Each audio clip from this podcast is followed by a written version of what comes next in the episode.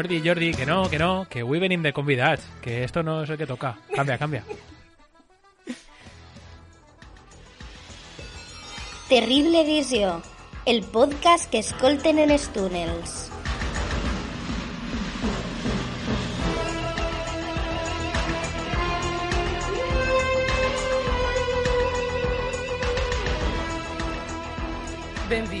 Benvingudes un dia més al vostre podcast infavorit.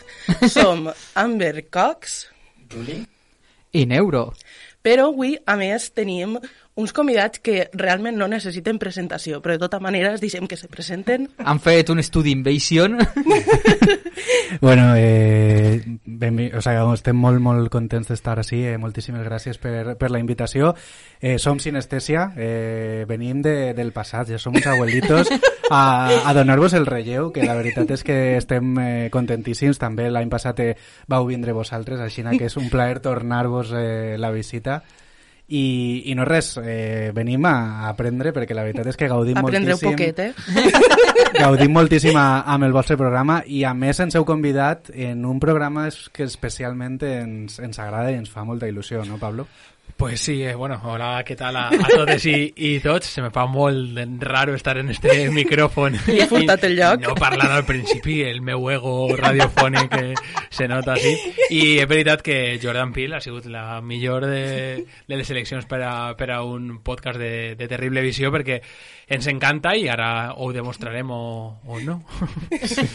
Ah, Que a, a veures i després igual te recordem això. No, no, que després n'hi ha de un xit. o igual demostreu que vos encanta odiar. Ens encanta odiar a Jordan Que Peele. sàpigues que m'ha xafat una broma, perquè volia dir que avui anem a parlar de les pel·lícules, de les teues pel·lícules favorites, que eren Babadook i Venecia Frenia, i me l'has xafat. Molt trista, o sigui, Pots- comencem mal el Però programa. podem afegir... Ah, Bueno, això, eso- està. Ara, a ara, ser. ara veurem, no? A partir La broma continua. La broma continua amb As en esa llista. Bé, ja vos han destapat la temàtica, parlarem de les pel·lis de Jordan Peele, i ara aquí, nuestro amigo i vecino... Bé, abans de res, mm, és un honor tindre-vos així, que no vos he respost, perquè mm, he començat a pensar altres coses i el meu cervell, les connexions neuronals no les fa bé. I ara Juli ens comenta quin és l'esquema del programa. A veure, este, este programa tenim tres seccions en comptes de dos. Locurón! Eh, la primera secció eh, anem a parlar així breument de coses en les que ha participat Jordan Peele, però que no són pues, les tres pel·lícules grans centrals d'ell. La segona secció ja sí que és desgranar una miqueta cada una d'aquestes tres pel·lícules i després al final doncs l'Amber secció. Ja siga fer preguntes, despedir-se o fer el mamarratxo. O tota la volta. Vale, yo me espero a la última sección. Ara tornem. Ahora vuelvo. Voy al baño. Bé, doncs, comencem a parlar ara una miqueta d'algunes de les produccions de Jordan Peele. Sí.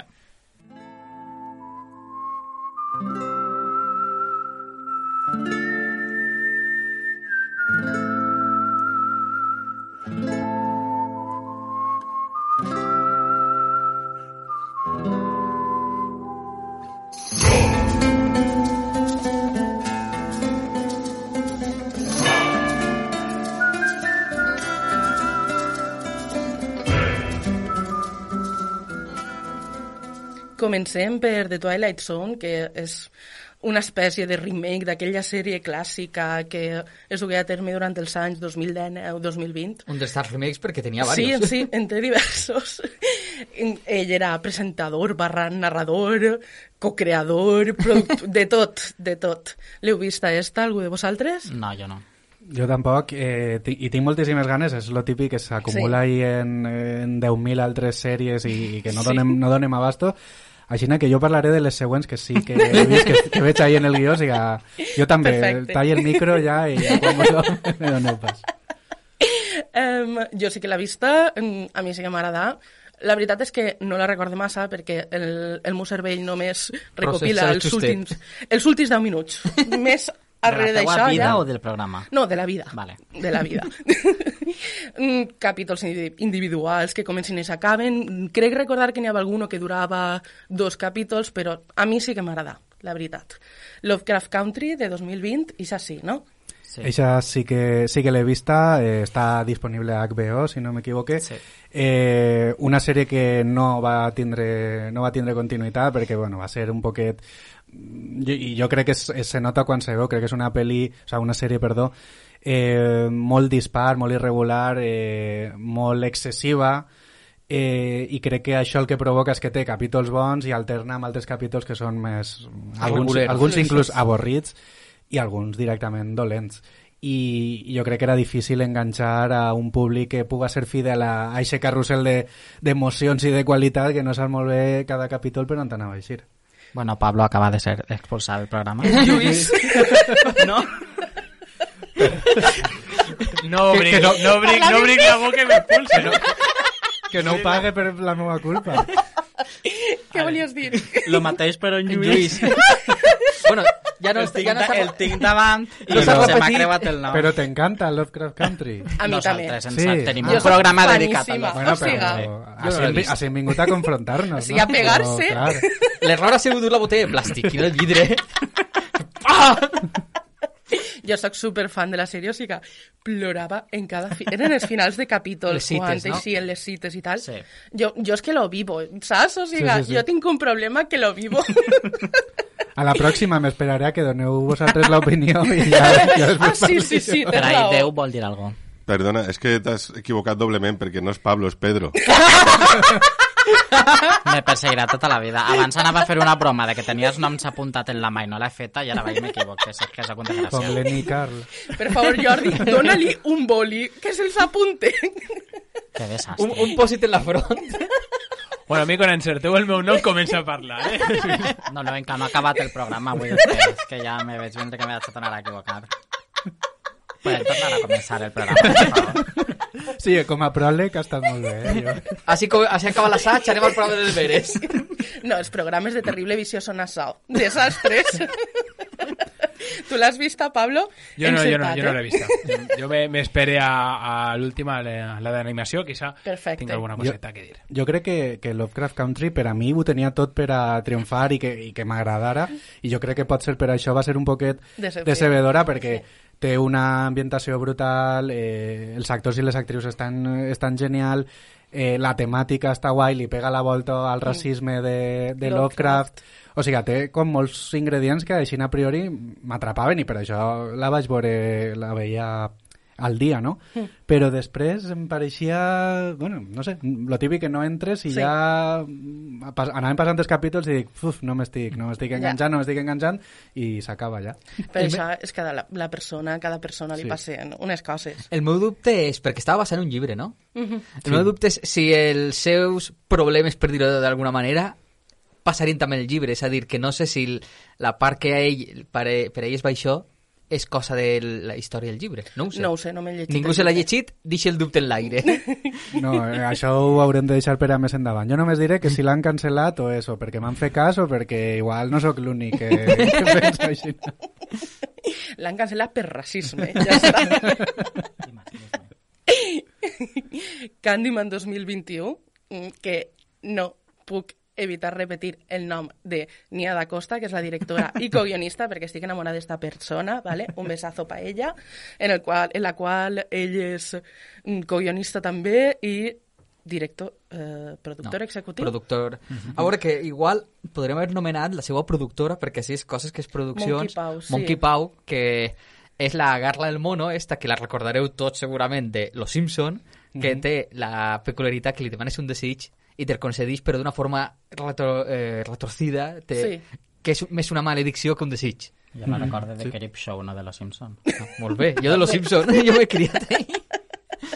que me pareix prou graciós que el nom d'una productora siga algo que concedís desitjos pa mal. Ja.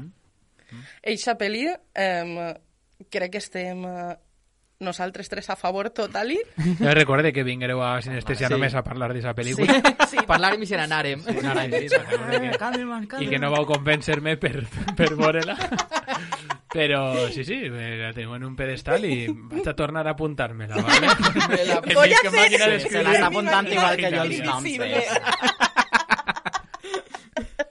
Tu l'has arribat a veure, Lluís, o tu també No, t'has cagat en la meva no, recomanació? Pues mira, la vaig veure poquet després de, de que vinguéreu, uns mesos després, perquè la llista d'espera és gran, però, però vos vaig fer cas, eh? la, la vaig veure i, i me va agradar, i no perquè ja ens heu dit que vos va agradar a vosaltres, Me gustó, es buena película. i no m'estan apuntando con una a dir, pista. no hi, ha, no hi ha càmeres, ningú pot dir que t'estem apuntant. No, no. Me, me va agradar, me va parèixer... Era com un poquet estilitzada, bé, clar, Sí. comparada amb la El que teníem en la ment. sí. Sí. Esta era com eh, molt, a- inclús acadèmica, no?, la manera de, de rodar-la.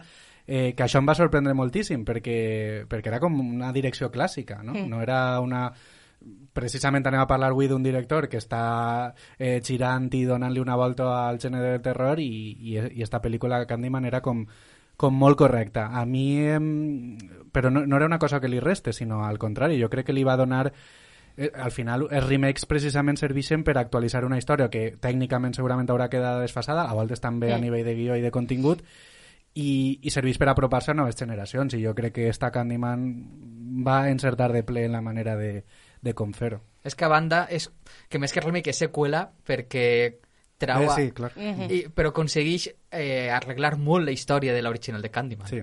Jo recorde que ell, Jordan Peele, perdó, en eh, un dels documentals... Sí, el d'Eli Roth crec que era. ¿El de Eli Roth o Sí. el de les 4 hores i mitja, el de terror? No ho sé, Crec igual que, té. crec que en el d'Eli Roth. No me sona que, és que més que res perquè les altres era dels 80 i Candyman és del 90. Vale, En In Search of Darkness crec, no me sona és que era Jordan Peele. no ho sé. Massa hores de documentals.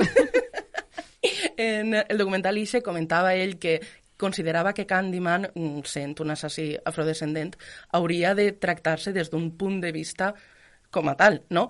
I recorde que en el, um, en el tràiler de Candyman i tant, el Twitter vaig veure a un senyor random que posava no, que Jordan Peele no acerque sus manos a Candyman, no sé què. I jo en plan de, ¿this is real? ¿Esto está pasando? Pues sí, pasaba.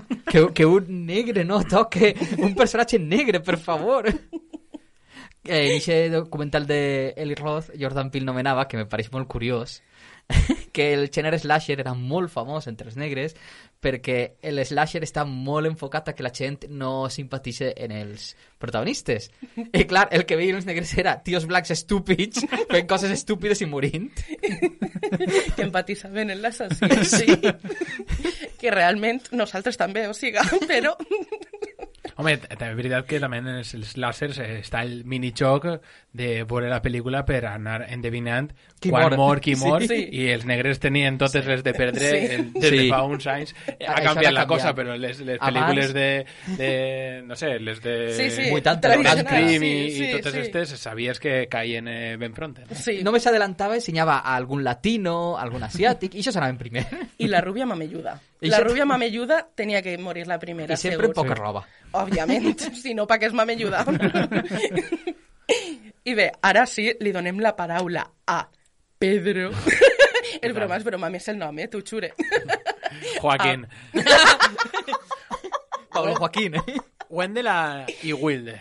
Jo vaig veure la, la peli per Henry Selick, que, que me va apassionar eh, Los mundos de, de Coraline, De Coraline. me va parecer una obra que me donava por als 20 anys, no vull imaginar a un xiquet molt creepy, que eh? vaig anar a veure la pel·lícula perquè és una pel·lícula d'animació i que esta anava per la mateixa senda, sabent a més que, que Jordan Peele doncs, posava aquest humor seu i, i, i aquests condicionants als personatges que canviava un poquet l'estètica de, de Henry Selick. Va ser un error el, el anar eh, pensant en Coraline. massa en Coraline, perquè sí que canvia sobretot eh, l'estil de, de l'humor, l'estil de, de, de com eh, se confronten els personatges, però he de dir que poques vegades se pot veure cinema d'animació per a adolescents d'este nivell i que crec que, així eh, és un encert total eh, com es tracten eh, els colors, com se traten eh, els tons, perquè els tons me pareixen que sempre són encertats en este tipus de, de, pe de pel·lícules en, on en Henry Selick sí que sap donar-li una volteta a, a lo que estem acostumats a, a veure i que s'agraïssen. Pots, pots eh, estar més connectat o menys eh, eh, al final en, en lo que tu tenies posat en el cap abans de veure-la. Però al final, si fas reflexió, dius, home, és que acaba de veure algo que és arriscat, que m'ha posat un poquet... Eh, eh, m'ha donat per, per a pensar després i estem parlant d'una pel·lícula que no sé el, el públic al que va, però no crec que, que siga per als iaios i iaies del No. Babel, saps? Aleshores, pues, eh, això, respecte al Babel, eh? Clar que sí. Eh, Respecte màxim. Però, Ens esta, patrocinat, però eh? Wendelin Wild eh, no, no la posen allí. A veure, eh, igual també la diferència de Coraline, al cap i a la fi, està basada en un llibre de Neil Gaiman, Mhm. i està, ta- està basada en un llibre, crec que el mateix director és qui havia escrit el llibre, no?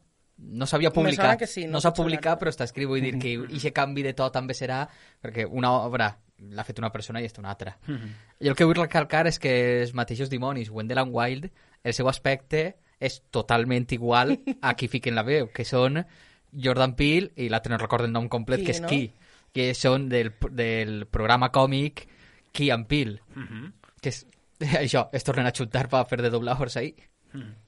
L'has vist, Lluís? No, jo Vale. per això vos he, respectuosament eh, m'he quedat en silenci. Eh, No sé si aneu a parlar de Key and Peele. No? Se pot comentar algo, si vols. Que com heu dit que anàvem a parlar de Jordan Peele, Sí. sí. pues m'he vist tota la sèrie, aposta per a, per a vindre així, val?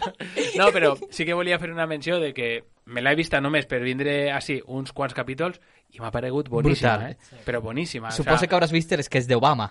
L'esquet d'Obama el vaig veure, boníssim. L'esquet que n'hi ha de, a, a la classe de, El mestre substitut. del mestre substitut que di el, diu Sí, els noms que diu els noms molt graciós. Eh, me va parecer tot eh, dins de l'originalitat que ja difícil pots trobar en una sèrie d'esquetxos i, Sí. i tal, que ja pareix que tot ho has vist perquè els Simpsons ho han fet ja tot, eh, me va parecer molt, molt graciós i molt divertit. I És molt bona. Jo, Molt bona. jo la recomano molt, o com a mínim veure els sketch famosos. sueltos, eh, sueltos Sí. en, en, en YouTube. Jo a l'acabar tindré que tornar a veure el d'Obama perquè recordar-lo i me descollone.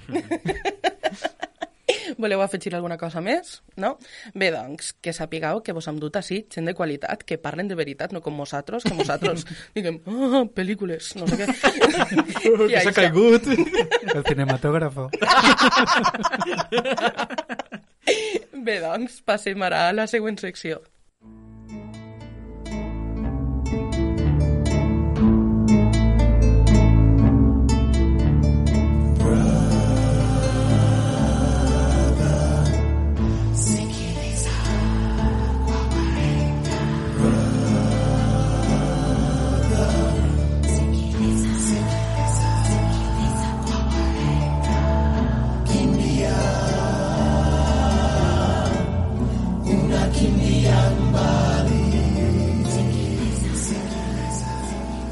Reteniu la cançó que acaba de sonar en el vostre cervell perquè ara en seguida Pablo ens contarà cosetes superinteressants d'ella, eh? I bé, mm, què tenen en comú les tres pel·lícules de Jordan Peele? Doncs que la direcció i el guió està fet a mans d'ell, que la música és de Michael Abels i no sé què n'opineu vosaltres, però personalment considere que és impressionant. Esteu d'acord? A favor, sobretot les dues primeres. Sí. Sí, sí, i també la utilització que fa de, de la música eh, no original, vull dir Sí. que, que també la que crec que la, la utilitza moltíssim i amb molta intencionalitat també. Sí. Sí, els primers minuts de Get Out és tot, tot el temps, música, sí, mm, brutal. I la productora, que és Monkey Paw Productions, que Neuro ja ens ha contat abans una miqueta... Sí. ja. Ho he rebentat perquè ja que parlàvem de produccions seues... Però, ah... I bé, comencem amb Get Out, mm, Déjame salir a Espanya, huye a... El, a Latinoamèrica. perquè no sé parlar. perquè el títol espanyol t'ha descol·locat. de l'any 2017. El que volíem comentar del títol és que el sentit original en la traducció espanyola se perd totalment, no? O sigui, get out és pirate o lárgate o Fuig. huye, fuig, pira d'ahí no tornes, no? I en castellà déjame salir, o sigui, tota aquesta intencionalitat es perd totalment. És que inclús Sí, li, canvia... falta, si li falta posar déjame salir, por favor. si me le, me que deja, podria por favor. tindre un sentit també amb, amb el que va la pel·lícula, però és de veres que canvia inclús el, el, la persona, el Sí, punt de sí, vista sí, també sí. te'l te canvien, o sigui, que és que no té molt de, molt de trellat. Jo tinc la teoria de que van veure la portada i era un tio en un silló compatint, és de... Este no pot estar dient que fugisca, està demanant que isque. Ale, déjame salir. I jo vaig estar patint, bueno, perquè ja existia Déjame entrar. Vull dir, però, en quin moment Sí, sí, vols sí. liar tanta la gent? O sigui, ma mare encara no sap quin ha vist. I han de Déjame pensar també en acción això. de desplazamiento. Claro, és que molt mal. A mí me pasa, ¿eh? De decir, déjame salir, Kina. ¿La sí, del sí. negre o la, La del, sueca. o la del vampiro? La de les vampirs. O, o el, la versió americana, no? Quina de les tres? Sí, sí, sí. I bé, per què es diu així en anglès? Doncs perquè se suposa que és el que crida la gent negra quan veu pel·lícules de terror, no? Sí. O sigui, li diuen a la penya, vés-te'n d'ahí, vés-te'n d'ahí, pirat, ja, no? que també eh, està basat en un monòleg, no me'n recorde si era de... Eddie Murphy. Eddie Murphy, que feia rotllo còmic de comèdia de és que en Casa Encantada només moren blancs perquè si estan els negres s'escolten una veu de fantasmal Vesten! Li, li dirà a l'home, carinyo, esta nit no dormim així. Bé, doncs els personatges d'esta pel·li són eh, Chris Washington, que està interpretat per Daniel Kaluuya, i és el nostre protagonista, no? El protagonista és afrodescendent, és un xic que és orfe i té un trauma, que fixeu-vos, per favor, com tots.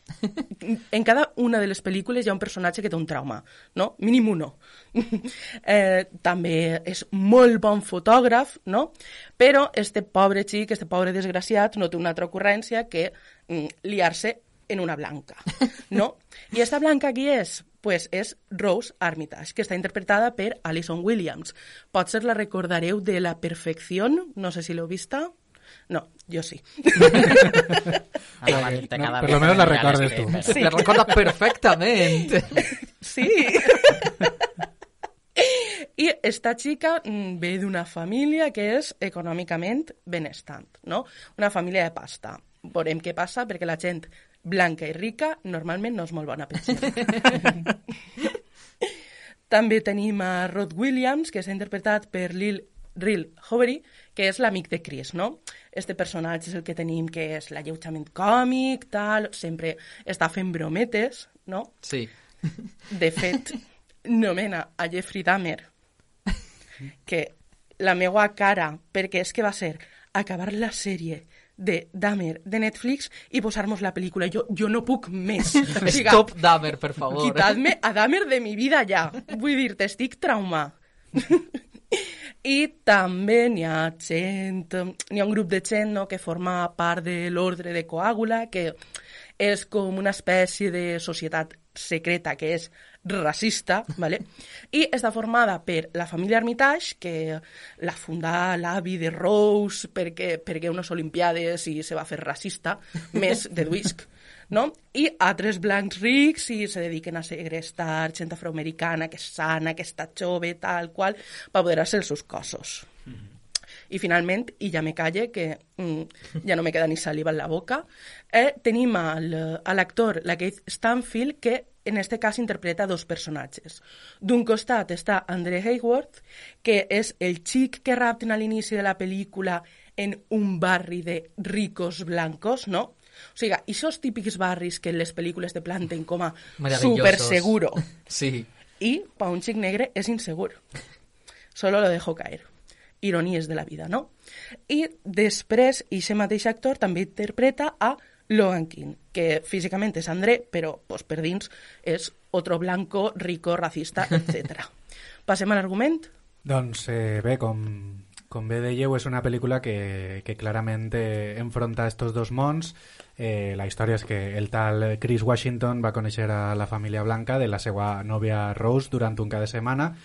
Eh, comença precisament amb eixa eh, aparent quotidianitat eh, de, de passar una, un cada setmana familiar, però una vegada allí se n'assabenten que hi haurà un dinar tradicional amb més gent i eh, Chris reconeixerà un xic que havia desaparegut fa uns mesos, però el nota com estrany, no? perquè ha canviat eh, de personalitat, inclús la manera de vestir... Vamos, que ahí eh, passen coses rares, no? I jo crec que, bueno, aquesta premissa eh, no és que siga super original, però jo, jo crec que sí que està xulo precisament per on no corre, no? Pel que dius tu, és el típic eh, barri residencial de Valles Blanques, eh, de jardinets. Xespa, tot on sempre brilla el sol i tot és feliç, eh, i, i sempre hi ha una cara oculta no? en, en, en tot això. I jo crec que Jordan Peele eh, no és casualitat que vulga en la seva òpera prima fixar-se fixar-se en, en este tipus de barris i amb, i, amb, i amb la lluita de classes i amb la diferència eh, que, que hi ha en estos estaments. És que la crítica no és només eh, racial, també és eh, com De classe. de, de classe, no? Sí. Claríssimament. Bé, Juli, ens comentes tu què vos destacable d'esta pel·li? Sí, a veure, jo, per exemple, no sé per què, però moltes de les pel·lícules i sèries que mire estan protagonitzades per persones no blanques. Entonces me fixe molt en la forma que tenen de parlar. I els, els blancs dins de negres d'esta pel·lícula, sí. conforme obrin la boca, dius, no. Així n'hi ha alguna cosa que no quadra. Per què parleu com si fóreu blancs? Sí, allà des del principi notes que algo passa. Que se vienen cositas. Clar, és el que així han tractat d'adaptar al doblar-ho que parlen de forma un poc robòtica. Ja. Ja que no poden fer el dels accents igual, Claro, jo és que no l'he vist doblar. Sí, nosaltres Sí, sí. com si no tingueren sentiments, no? Sí. O molt freds, no? que, que a banda Pues xoca... eso, blancs. que ja de per si xoca les expressions que tenen sempre com si estigueren aixina Sí. com al·lucinant. Cara de com- circumstància. Sí, és com si el, qui està pilotant no saber què està fent. A veure, sociolingüísticament tot això té sentit perquè els estudis que se fan de la llengua que s'utilitza és mm, la gent negra, la gent... O sigui, gent negra contra, contra entre cometes, gent blanca, o, per exemple, dones, les dones utilitzem més diminutius, etc etc. i aquestes coses se fan. I això me recorda que tu, quan veus a Chris, o sigui, Chris quan interactua amb la resta de gent afrodescendent, Sí. em, se comporta com a negre, per dir-ho d'alguna manera, no? I en canvi els altres els veus en plan de... Sí. Saps? Que mm, veure a uno contra altre, per dir-ho d'alguna Sí, manera... que xoca visualment ja Sí. veus que hi ha diferències. Sí. A mi m'esteu descobrint molt, perquè, clar, eh, és veritat que veient-la doblada, com jo la vaig veure en el seu, en el seu moment, doncs eh, que ell li parle a, als negres d'una manera eh, doncs, eh, com ell és, no? Sí. En, el, en el seu món i en el seu dia a dia, i els negres li contesten de manera robòtica, Sí. mm, no quadra com eh, a- un tema lingüístic, no? I el, i el saber que, que en la original sí que està ese, ese tema, que no és una qüestió robòtica, sinó que és un, un parlar com eh, sense les os obertes o sense tantes Sí. lang o, o, sí, o el que, siga. Claro, a- això és una... No vaig a dir que és una altra pel·lícula, però sí que se li dona una, Nova experiència. una intenció, sí, és una experiència... A mi ara m'agradaria ser eh, nord-americà per a, per a viure-la de nou des d'aquest punt de vista, perquè de veritat que, que m'està agradant i que no, no m'havia donat jo compte. Es va fer una sèrie sencera sobre aquest tema eh, igual l'heu vista, que és el príncipe de Bel Air. que tota ella va sobre, Sí. sobre això. Sí. Ara que has dit el príncipe de El Belén, spin-off. que el tema és que Jordan Peele digui en algun moment, en alguna d'aquestes coses que hem vist per ahir, digui que um, ell volia que... Ell estava acostumat a veure en el cine personatges Cert. negres que tenien comportament de blancs. Sí. Entonces, ell volia que els seus personatges negres tingueren la seva experiència negra, entre cometes, no?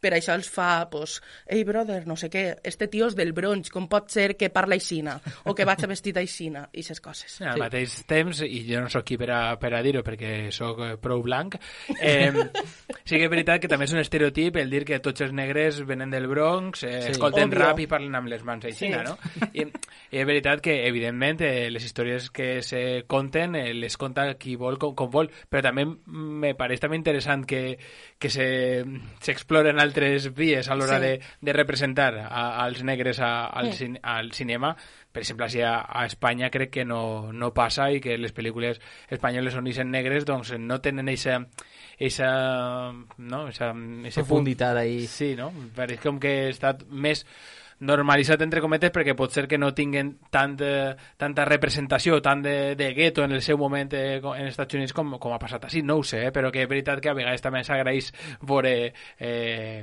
a negres, eh, vaig a dir-ho així, normals en, en Sí, la sí, pantalla, negres no? sent negres, Sí, ja claro. està, no? A Blade tot el rato, no? Tu vols dir alguna cosa, Lluís? Sí, eh, a mi en esta pel·lícula el que, el que crec que ja comença a veure de Jordan Peele és, és també certs detalls eh, que va repetint en, en les seues pel·lis i que jo crec que també ha generat una espècie de... El personatge traumat, de no? setxell.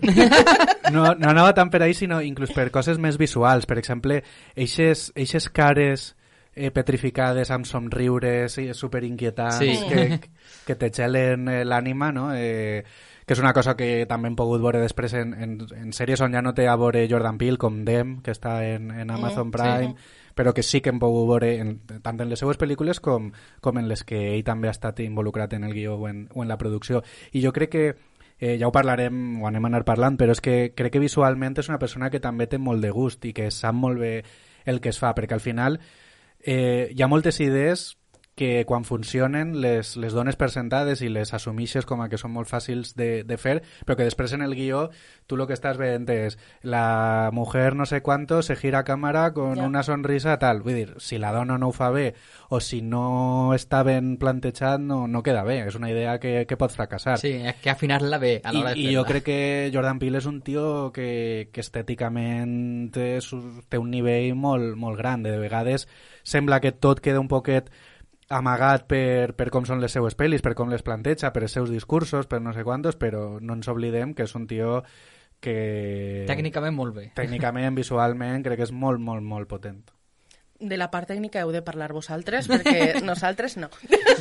Jo vaig a parlar de- no. d'aquest estil, però parlem si vos pareix un poquet més endavant, perquè el, estic totalment d'acord amb, amb Lluís de que Jordan Peele el que ha aconseguit també és fer memorable les seues pel·lícules, tot i que no te'n recordes de tota ella, sí que seqüències o escenes concretes se te queden al cap i relaciones Get Out amb X, Sí. eh, As amb eh, tal. Ah, esa es la pel·lícula en la que sale, cuando, tal, i tens el fotograma molt, molt, molt gravat en el cap, i Jordan Peele ho fa. Després vos conto una coseta que, que va dir eh, eh, per a que, que me parece, me parece interessant. Neuro? El que m'agradaria comentar és que l'inici, bueno, no l'inici no, realment tota la pel·lícula, i crec que se pot dir de totes, Jordan Peele agafa moltíssimes inspiracions d'altres pel·lícules i així agafa de Halloween, de Tiburón, eh, la escena inicial del cotxe perseguint és molt rotllo Tiburón. Totalment. I després la tipografia és, eh, tal com ix en la pel·lícula, és molt rotllo El Resplendor, que també fa més referències a Resplendor, no només en esta, sinó en altres pel·lis. Que això, es nota que a ell li ha vingut les idees de moltes coses i les pel·lis seues són un poc un analgama de, de tot. Te pots trobar de tot per ahí. El cas que m'agrada també és el de Yoshio Oyama, que és Ja sabeu que així no sabem pronunciar. bueno, se intenta que interpreta al japonès que hice a la festa. Resulta que esta persona no és actor. eh, quan estava rodant la pel·lícula, estava buscant actors per als personatges secundaris locals de l'estat d'Alabama i en Alabama no va trobar ningú actor japonès i se n'anà a un mestre de karate que per aquella zona és relativament famós i això, tant, eh, una zona surenya en pocs japonesos, que estrany, no? Per què serà? Me pareix molt tòpic que una persona asiàtica estigui relacionada amb arts marcials. Sí. Lo he de decir. Eh, eh, pareix que això és l'únic treball que poden tindre allí. I ja de pas tens un poc d'autodefensa, per si acaso. si algú se passa la ratlla, diria senyor Oyama, perquè és més fàcil el cognom que el nom. Ara vull saber jo com parlava originalment aquest personatge. Parlava com a blanc, com a asiàtic, com a negre. Tots els tòpics així, eh, mare meva. Això ho ha dit Pedro, eh? No, no, no, Pedro és el lligat de Pablo. No confoneu. Pedro és el racista. Pablo... També m'agradaria comentar la vena còmica que té Jordan Peele, ja m'estava parlant abans de la, eh, la sèrie de Key and Peele. No és només que totes les pel·lis té alguns moments còmics mm, no és igual com, no sabré com dir-ho, així tenim més clar al personatge, com li que no me'n recorde, a Rod, que es el que está siempre en la teoría de esclavos sexuales. os hipnotizan a los negros y os hacen esclavos sexuales. és més evident, però en, en altres escenes també i en la resta de pel·lícules hi ha com puntilletes com Sí. en la de nosotros, la de... Quédate el barco, papá, nadie quiere tu barco. Que és això, és que mescla moments que estàs... Bueno, jo no sé vosaltres, però jo tinc molta por sempre en les pel·lícules. Jo estic cagà vale, en la pel·lícula i estic riguent-me. No?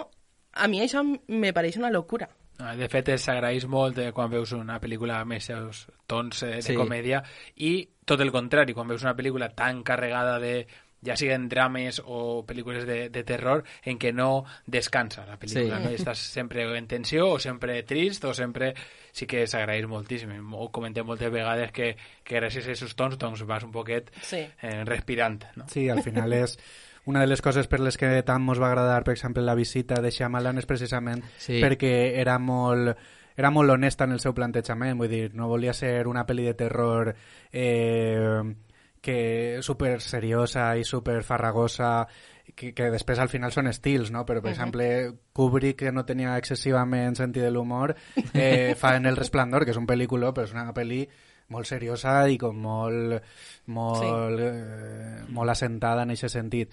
Després està Midsommar o, o The Witch o, o Hereditary, vull dir, són estils que sí que mesclen gèneres però que tenen també molts pocs tocs d'humor Sí. i quan arriba Jordan Peele eh, que té els seus defectes, nosaltres ho diem, li costa molt fer una pel·li rodona, realment, però és que ho compensa amb tantíssimes altres coses, amb les referències, amb, amb els guinyos que fa, Sí. amb els homenatges, amb, amb precisament aquest tot tan despreocupat de, bueno, jo no vull que vindre així a sentar una supercàtedra, sinó A fer lo meu. clarament, clarament posa així com sóc jo perquè eh, vull contar-vos això i tinc el meu discurs i no vaig a ser condescendent i vaig a anar-me'n als grisos per a quedar bé, vull dir, no, jo parlo així de, de matar blancos o de que no sé quantos i, i, i me quede tan ample i està bé, vull dir, al, fi, al revés s'ha fet sempre mil vegades i ell pareix com a que ha de demanar perdó no? per tindre idees molt boges quan al final el cine va d'això, no? I, i per això jo crec que és un director tan interessant. I que, per cert, és que mentre rodava, mentre dirigia, començava a fer imitacions. imitacions que la gent coneixia i jo de que Ian Peele les feia. Jo no sé com pots estar rodant una peli en coses tan xungues com esta i estar imitant a Obama. Sí. pues així és Jordan Peele. Pablo, ens contes tu? Sí, eh, a mi és que d'esta pel·lícula recorde molt el tema musical, que ja l'hem escoltat abans, eh, on evoca eixe passat de, de les personalitats que, que, n'hi havia allí abans de que arribaren esta, esta secta i a totes aquestes persones que han desaparegut eh, per culpa de, dels eh, botxos estos.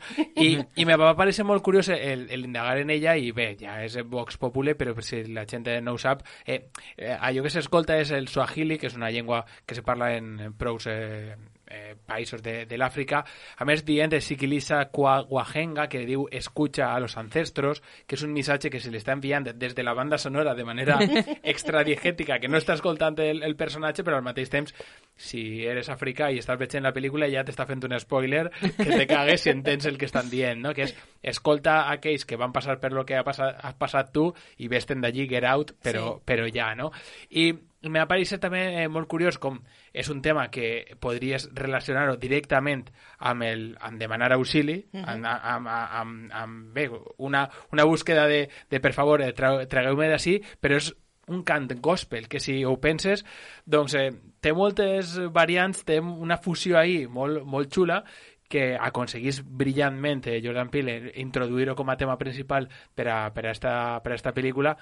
I, i me pareix almenys eh, molt treballat. Eh, eh, després de no sé si, si tot el món encaixa o si no ho entens eh, el missatge eh, pots entrar tant com podrien entrar la gent que entén Swahili, però sí que me pareix que n'hi ha un treball al darrere de dir Chunte Gospel, que és una agrupació negra eh, molt, molt tradicional dels Estats Units, eh, en Swahili, eh, que susurre perquè estic en, un, en una pel·lícula de terror, però al mateix temps que estiga dient eh, el missatge que, que vol el, el protagonista escoltar. Aleshores, m'ha parecer que ja no només el, el tema principal té tantes coses que si indaguem en tota la banda sonora pues, trobaríem moltes més. Així que, res, simplement un más uno brutal a, a la música. Que està molt loco Jordan Peele, vamos. Sí, eh, bueno, jo és que, me, sí, eh, no sé si això comentar-ho ara o després, però era un altre tret eh, Com general eh, que tenien les pel·lícules de, de Jordan Peele, que també després els podrem trobar, i és els finals de, de les pel·lícules. Els finals de les pel·lícules, clarament a Jordan Peele li agrada, li encanta deixar debat, deixar Sí. obert, deixar el típic googleado de explicació final get out o explicació final nope, que ho hem fet totes eh, i tots en algun moment, o fer que els youtubers que tenen crítiques, doncs, eh, explicació del tal. I aleshores me parece també una, una forma de, de màrqueting, vaig a dir-ho perquè crec que va per ahí, més, més enllà de deixar eh, a, a l'espectador eh, pensar, sí que crec que n'hi ha un, un treball de màrqueting i me pareix eh, brutal el fet de que totes les seues pel·lícules mos les portem després a, a casa, has de veure això perquè vull que contar-te el final i a veure Sí. tu què penses, me pareix algo Enganxar prou, a la gent. prou curiós perquè en les tres passa molt, molt clarament lo que, lo que, lo que vol. De fet, hi ha un final alternatiu, no sé si ho sabíeu, sí? sí? Amber Cox anava a parlar d'ell un Ah, poc. vale, no ho sabia, perdó. Tranquil. Em, que jo personalment, ara que has dit lo dels finals, això m'ha recordat al resplendor que ha anomenat abans Lluís, i ese final obert, i jo m'he donat compte que jo no soy googleadora, o siga, mm, jo m'invente la meua versió de lo que vol dir ese final I a tope. i jo vaig en això a muerte. No? I ell me diu, no, és que no sé què, no sé quantos, i jo, no, vol dir això. jo super segura de lo que Jo me, quedo en, veig. jo me quedo en els dubtes, ella en la seguretat. No, que cadascú el, el seu final a mi me pareix meravellós. Jo sempre a vegades li dic a Lluís, Lluís, que no mor, i ja està. No? Ja està, perquè... Per a Pablo, Gladiator no mor. No, és que no, és que no mor. És No, que després- se'n va a un camp a passar la mà per les espigues. Sí, sí, hasta Sí que, se sí, jubila. sí, que sí, que sí, que és la seva jubilació. Jo estic segur de que sí. En aquella rep a mi les xiquetes no moren. No. Així na que cada un... Pa tu és canon, que no mor. Exacte. Bé, a veure, cosetes que mm, jo volia destacar. Um, bé, ja sabeu que, eh, ja ho hem nomenat i ja ho sabríeu, que esta pel·lícula té un fort missatge no, de, en contra el racisme i tot el rotllo, no? I a mi me fa molta gràcia alguns dels microracismes que s'utilitzen, no? O siga, um, quan Rose li diu, no, però si la meva família no són racistes, mon pare votaria Obama per tercera vegada. I me fa molta gràcia perquè algunes d'aquestes coses que te diuen a la pel·lícula les veiem, com parlar de la grandària dels penis dels negres o coses d'ixes. Sí, sí, quan li diu el senyor este random, eh, ah, jo conec a Tiger Woods, tal. I és en plan de, vale, o sigui, como tenemos el mismo color de piel, nos conocemos. Que això no? després, en, bueno, després, abans, en eh, d'aixes dues coses fent mofa en Scary Movie. Sí. La chica negra estaba con, eh, con mi amigo Eddie. ¿Eddie? Sí, Eddie Murphy. y en el cine també, ella chillant en el cine. Sal, no entres, tal. Dir, ixos tòpics que apleguen a passar. I després, me pareix molt feridor quan el policia li demana la identificació sí. d'ell, que no conduïa. que no va conduint ni res, i ella se posa, li contesta en plan superxula, no? Més xula con Wit, la Rose Armitage. Pues ella li contesta i super d'això i a ella no li passa res. I al final de la pel·lícula, pobre meu, en tot el que ha patit, i encara se posen els braços en alt. Vull dir-te, és que aquestes coses me pare... a mi me trenquen moltíssim, però me trenquen moltíssim. I això, eh, després, mm, això no té res a veure, però jo sóc superfan del moment en què Rose està buscant noves víctimes per internet i està escoltant la cançó de Dirty Dancing. La de Time of My Life, o sigui, vull dir-te, és, me pareix una és fantasia. una romàntica i una psicòpata al mateix temps. Sí. em, este matí ha sigut buscant, he vist que va, està beguent llet o no sé què. Sí, llet en cereals en un bol al costat o És algo. que això resulta que darrere d'això n'hi havia un missatge racista i tal. Jo no m'havia fixat, jo sola sé la cançó. Jo ho he llegit que, que el que volia dir és que la gent de color, com els cereals que isen, no se juntaven En la amb la llet blanca, se ho veu separat, no ho junta, Sí. perquè, en- bueno, el missatge de no juntar a tot, Sí. que és el que estan fent, no, no Sí. unir-ho, sinó el blanco por uno y los colores por otro. A mi això me pareix brutal i és que és el que parle, parle moltes vegades amb Neuro, que és que mm, personalment considere que aquesta persona no fa res de casualitat. No? La cançó que posarem al final, la de Run, Rabbit, Run, que és en la primera peli, en la primera pel·lícula eh, A on era? El... la, la cançó del final tenia coses de les tres pel·lis. Sí, a veure, la cançó de Run Rabbit, una cançó que sona, té referències a les tres pel·lícules. I és, pertany a la primera, és a dir, la primera de Fuig, li està dient que ha de fugir, parla dels conills, que La està en nosotros, i la lletra de la cançó hi ha un tros que parla de que el conill es dedica a fotre al granxer els divendres. que és el que passa en Nope. I aquestes coses, o sigui, jo crec que aquesta persona no fa absolutament res per casualitat. No. Que No, no. Això és, analitzem ara aquesta cançó i pot ser que tinguem ja missatges de la quarta, De la no? quarta, segur, sí, anem a posar-se ja. I després el que ha dit Pablo, que era el final original, això, se va fer un final original en el qual detenien a Chris i acabava en la presó, no? O sigui, l'heu vist. Ah, ese és el... Jo no he vist ese final. Pues, Uh, menos mal, que no l'ha vist. Menos, no, menos mal. Menos mal que no, A mi que no, va, m'agrada que no va optar per ells. Jo he vist l'altre final. En un principi, i ese final era, anava a ser l'original, en un sí. principi, però el I és el final original, però canviar perquè Ah, vale, per vale. tot el, um, tot l'ambient que havia als Estats Units acabava d'entrar Trump i tot el rotllo, no, Ah, I que, I racismos. que potència zero, vull dir que, que a mi, bueno, me pareix molt més potent el que va elegir que sí. veure Sí. a este tio Que veure de la- taronja, desgraciat. que veure la parlant per realitat. telèfon. Claro. Perquè és el que haguera passat en la Sí, però que al Al final, tu t'ho pots elegi- eh, imaginar o no, però Sí. no, que no te diguen que el detenen a ell i que és ell el que se'n va a la presó i què tal. Bueno, per almenys... A mi el final original és que me pareix ja devastador. Jo, quan anàrem al cinestase, jo vos vaig dir, a mi m'agraden les pel·lícules en missatge, no? I mm, esta pel·lícula, des del minut zero, m'ha tornat loquíssima. Sí lo digo. I finalment, sí que hauria de dir que Andreu, de la Quimera Cultural, digué que el final estava mal resuelto. Andreu, Andreu, antic mos amic. peguem. Mos peguem. No, però a veure, li digueres que no i va, i va rectificar. Sí, té raó, té raó. Voleu afegir alguna cosa més de la peli? Voleu que passem a la següent? Anem. Tira la següent. Perfecte. Mm, passem a As, nosotros, así, en l'estat espanyol. Juli, m'està mirant mal. És que me, me dol cada vegada que diguem això És que no sé com dir-ho. De l'any 2019. Voleu vosaltres comentar una, algo del títol o comence jo loca filòloga? Eh, tu crec que eres un argument d'autoritat molt més que nosaltres, eh, la veritat. A veure, sí, n'hi ha una Amber teoria, ¿vale? O sigui, això és... A veure, as, no?, és com a nosaltres, el significat, o sigui, dona'ns una cosa, danos algo. I mm, estarà traduïda per nosotros, ¿vale? Entonces, la meua teoria és que hauria d'haver-se traduït per a nosotros, perquè en anglès, o sigui, el títol original té eixa voluntat, té eixa voluntat de complement directe, de objecte que patix el verb, sobre qui recau la força del verb, no de qui dirigeix el verb. I jo crec que això, o sigui, que el títol té compte la peli. M'he equivocat de programa. Estic totalment d'acord. Dir, El problema és que estàs oblidant un tema marque, de màrqueting i de publicitat que, que crec que nosaltres en- ens en recordem molt millor Sí, que sí. a nosaltres. Però a nosotros hauria sigut brutal.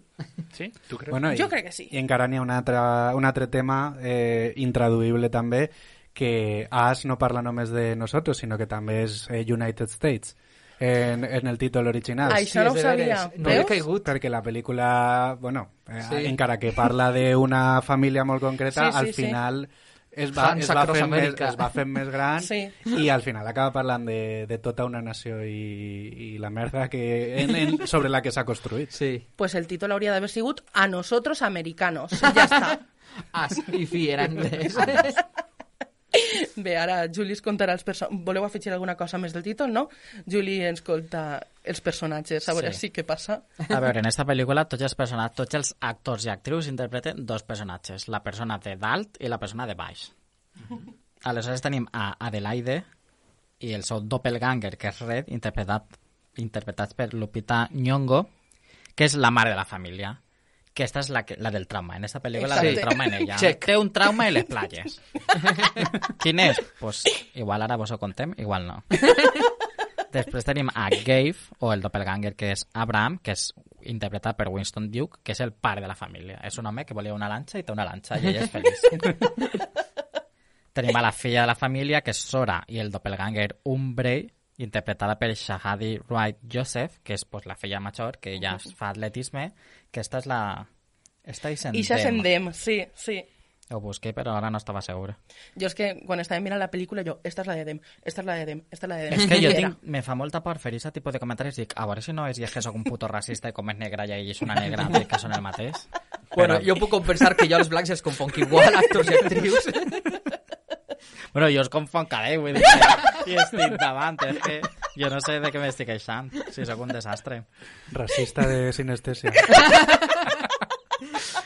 I després tenim el fill menú de la pel·lícula, interpretat per Evan Alex, que fa pues, de Jason o de Pluto, i a este xiquet pues, li agrada fer màgia i se queda tancat a vegades en un armari. Le- bueno, le agrada intentar per màgia. A veure, abans de continuar, a mi m'agradaria comentar els noms un poquet, ¿vale? O sigui, vosaltres penseu que estos noms són casualitat? No. No, home, però mai. eh, Ni de conya, eh? Vale. Voleu dir alguno, algo? A veure, Red és el més obvi, Ah, sí, perquè van de roig. però Abraham, vull dir-te... El que va sacrificar... Bueno, el Déu li va enviar sacrificar el seu fill. Eh? Umbra, no tinc ni puta idea, però Umbra per mi és d'ombra i ja està. Mm, I Pluto, vull dir-te, el déu de l'infern romà, jo crec que ixa... Que és precisament el piròman, el xiquet Exacte, piròman. sí. O sigui, els noms a mi ja me pareixen que dius, què?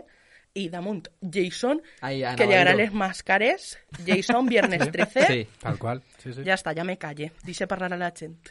No, no, bons referents, eh? Com dèieu abans, que sempre està de, Mm. agafant de- de- d'altres pel·lícules, això, això està molt ben tirat. de què va? De què va? Ah, Ah? pues, una altra vegada pareix que tot va ser idíl·lic en una família que se'n va a passar unes vacances de- d'estiu a, a la seva casa de- d'infantesa, de, de la mare, la traumada, la traumada, i de nit doncs, eh, comencen a aparèixer unes persones estranyes pel jardí que comencen a, a donar eh, problemetes i que descobriran un poquet més avançat perquè se pot fer spoiler així. Sí, no? sí, Sí, sí. feu lo que vos la gana. Eh, Eh, doncs mm, pegar-nos no. O sigui, pegar-nos no. Parlar lo que vulgueu. descobreixen que ells mateixos estan invaïns a ells mateixos. I per què? Doncs eh, esos doppelganger de Donissen i què és el que volen? Doncs eh, això, que la gent ho descobrisca i que, i que, i que ho valore.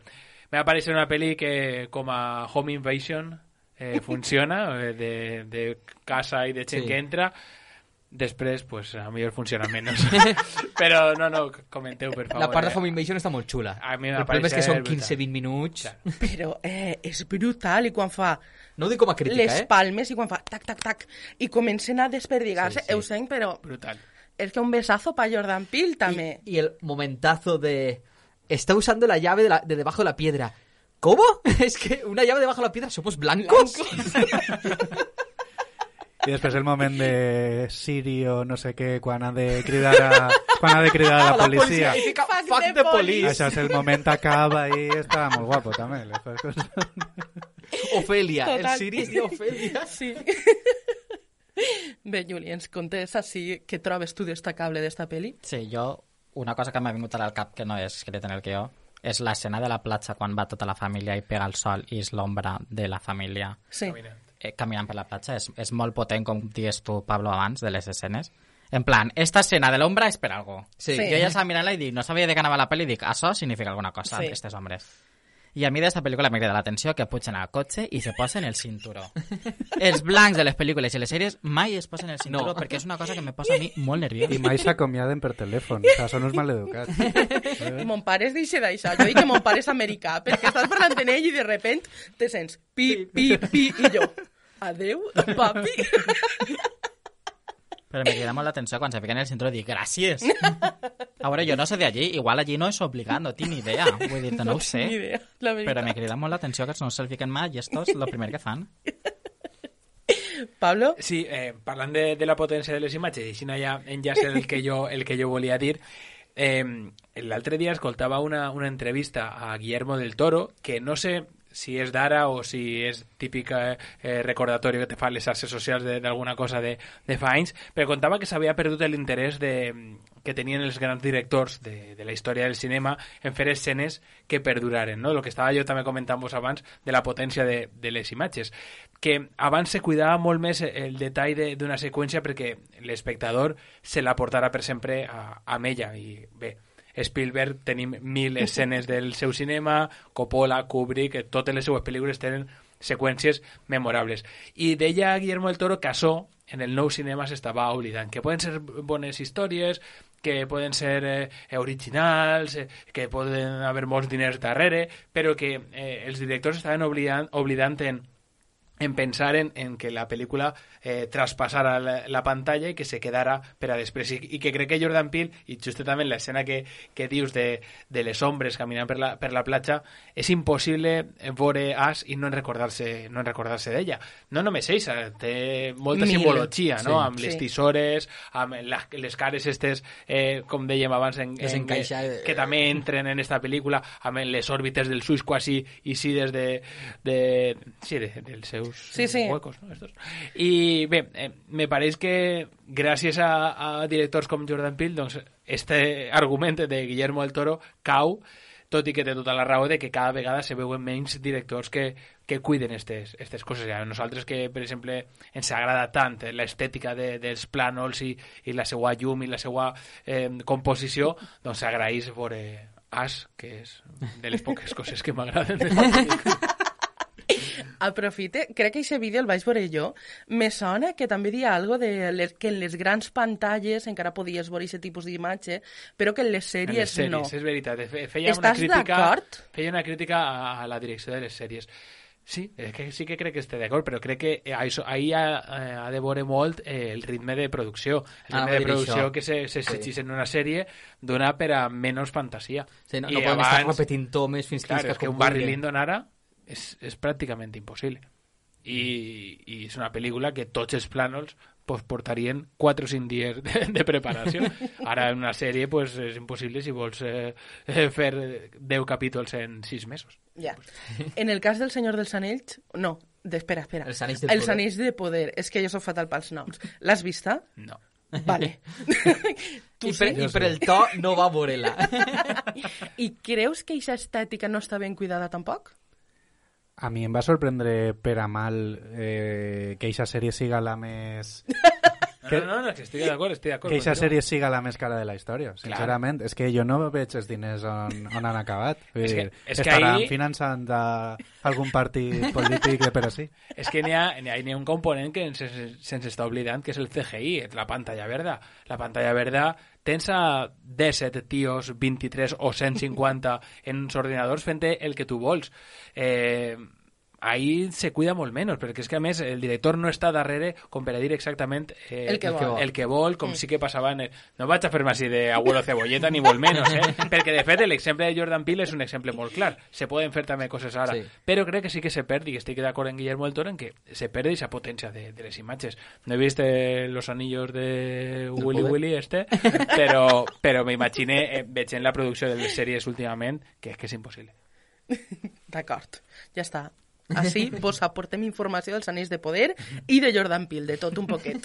Vols dir eh, alguna cosa, Lluís? Sí, jo volia comentar dos xicotetes coses de, de As i a més eh, Pablo i Juli m'han fet de teloners perquè just eh, és una cosa que passa en, la, en, la, en el pla de cenital este de, de la platja i és la utilització de la música, com dèiem abans, de música que ja existia o, o que estava feta a propòsit però no per un compositor. En, en el cas de d'esta pel·lícula sona una cantant que és una meravella i és una passada, que és Janelle Monáe, que va començar a més a eixir eh, en Lupita Nyong'o eh, en este mateix any, a partir de, de 2019 van, van ser parella.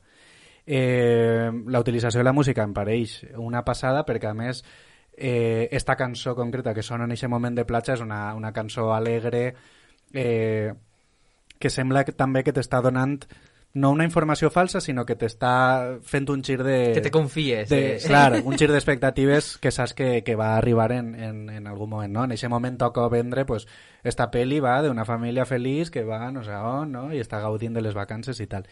I, bueno, la utilització de la música, per a mi, de les tres pel·lis en As és la que més m'agrada. I, i l'altra cosa que m'agrada també, bueno, que ja hem parlat d'alguna manera, és com utilitza Jordan Peele eh, referències reals per a, per a construir el seu discurs. I, i totes tenen a veure precisament en, en pegar-li la volta a les coses. Perquè precisament eh, en este cas esta pel·lícula que pareix que va ser un home invasion i, i després evoluciona a ser una crítica molt més gran a la història dels Estats Units precisament se fonamenta en, en un anunci real o en, en un, diguem, en un mm, Un moviment que es va fer, sí, un sí, moviment, una promoció eh, per a pegar-li la volta, no? Ell al final no creu en eixes, en eixes en eixa almoina, no? De, ai, sí, pues sí, la humanidad toda junta, quan està tot sempre construït sobre injustícies. Sí. Sí. I al final la pel·lícula parla de l'ascensor eh, social d'una manera Sí. molt clara, perquè és el que deia Juli, estan els de dalt i els de baix, i, i m'agrada molt com te, te fa referències a, que després ho veurem en Nope, a coses reals, a, però anuncis, a coses que, Mm. que pot ser així, Sí. no ens hagin arribat perquè Però no, no és- coneixem, Mm. però allà han tingut molt d'impacte que és com aquí quan, quan mos, mostraven els espòs de vamos a la cama que hay que descansar eh, o com se venia el tabac o com se venia en, en la tele o, o, o coses de llegue a casa y pega a su mujer y de- luego descanse con, Con un tabac, un- con whisky no sé quantos i dius, joder, en sèrio, això estava tan normalitzat i jo crec que Jordan Peele està fent lo mateix però portant-seu a les coses que a ell li interessen i al seu discurs. Sí. I me pareix, me pareix molt xulo, vull dir, en general, eh, totes les seves pel·lícules ho tenen, totes les... I, i crec que crec que també per això és un director que a molta gent ja no li agrada, perquè és com, ai no, Jordan Peele ja està ahí politizando todo, no? eh, és lo de sempre, com sempre n'hi ha nivells, que és com dies abans eh, en euro, pues, eh, los negros, pues bueno, si hay un latino, pues Sí. todavía se puede salvar. Me dona la sensació això, no? Durant molts anys ha estat com super simpàtic que Woody Allen en totes les seues pel·lis parle dels jueus, sempre fa referències, però estan pleníssimes, i ara eh, Jordan Peele vol parlar de lo seu i Està no, eh, no, és que el cine de terror, no, pues es que no... Eh, para eso ya está Spike Lee, ¿no? Pareix com a que, bueno, no, no que, toco. Que és el que diuen també de... Eh, Jordan Peele parlant de coses de negres és, polit és polititzar, però en canvi una pel·lícula d'un director blanc, en un protagonista blanc, sent el superheroi del món, això no és fer política. Exacte. Sí, sí. Mm, necessite dir-ho. Vale? No té res a veure, però necessite dir-ho. Eh, referent al que has dit de no, una pel·lícula de terror, no tal. Romero, en una de les seues entrevistes, li preguntaren que per què havia utilitzat The Night of the Living Dead per a parlar de racisme. I me va fer molta gràcia perquè digué ehm, no, és que mm, si jo haguera fet un drama sobre racisme no hauria tret els diners que he tret fent esta pel·lícula de racisme. I ja està, necessitava dir-ho perquè me, me va fer molta gràcia, ja. A banda ser una bona manera també d'arribar a més gent. Exacte, Sí. sobretot a mi. No, i és el de sempre. Al final, si, si sempre tanquem els discursos a que només se pugui parlar de racisme a la manera que ho fa Spike Sí. Lee, no sé què, no sé Mm. quantos, arribes als convençuts. I si arribes als convençuts no canvia res. res. No Al final, eh, la tasca que fa Jordan Peele, conscient o inconscient, bueno, segurament conscient, però vull dir que igu- igual ell vol contar pel·lícules de terror divertides i, Sí. i tampoc Sí. té la pretensió de tal, però crec que de fons el que està aconseguint és molt més valuós. Sí. Mm. Per a variar, Jordan Peele en, en les seues referències així afegeix referències a Get Out. Eh, en el moment que entra als túnels apareix una pinta que fica Get Out, el tio blanc que estava males en la dona té tatuades la, la cornamenta que és el que ix en Get Out, bueno, hi ha per ell diverses referències. També, que això me pareix brutal, hi ha un personatge, ix en els crèdits, no té rellevància, però que això és altre, en els crèdits te fica tots els noms dels personatges i el seu doble, encara que isquen segons. Tots tenen nom. I hi ha un personatge i el seu doble que un es diu Dani i l'altre Tony, per el resplendor. Sí. Però és que damunt està interpretat per Duke Nicholson, que és el net de Jack Nicholson. Uau. Que que això ja és... Vamos... eh, L'obsessió que té el pare Gabe en el barco és per una forma de marcar el tema de l'estatus. De, "Ah, ara tinc un barco, ara sóc ja important, tal... un barco però sí. barco. I que gràcies a una cabota mata a l'altre. eh, després també a on es clava la xiqueta que es perd, la xiqueta que ja, els noms ja se m'han oblidat, Adelaide? Adelaide, quan era xiqueta i expert, es dia, quan ella entra en... Era Shaman's Vision Quest Forest, que era en un indio, no sé què... I després ha canviat. I diria que això eh, és com un poc representació del que s'està fent a Estats Units en els 2010 o per ahí, que ja s'està tractant de fer menys apropiació cultural dels natius americans. Jo tenia la teoria de igual això ho han canviat perquè havia passat, a, en plan, ha desaparegut una xiqueta, canviem el nom, que per dins és tot igual, però canviem el nom i així que no isquen les notícies. Però no, era per reflectir i canvi que s'estava fent.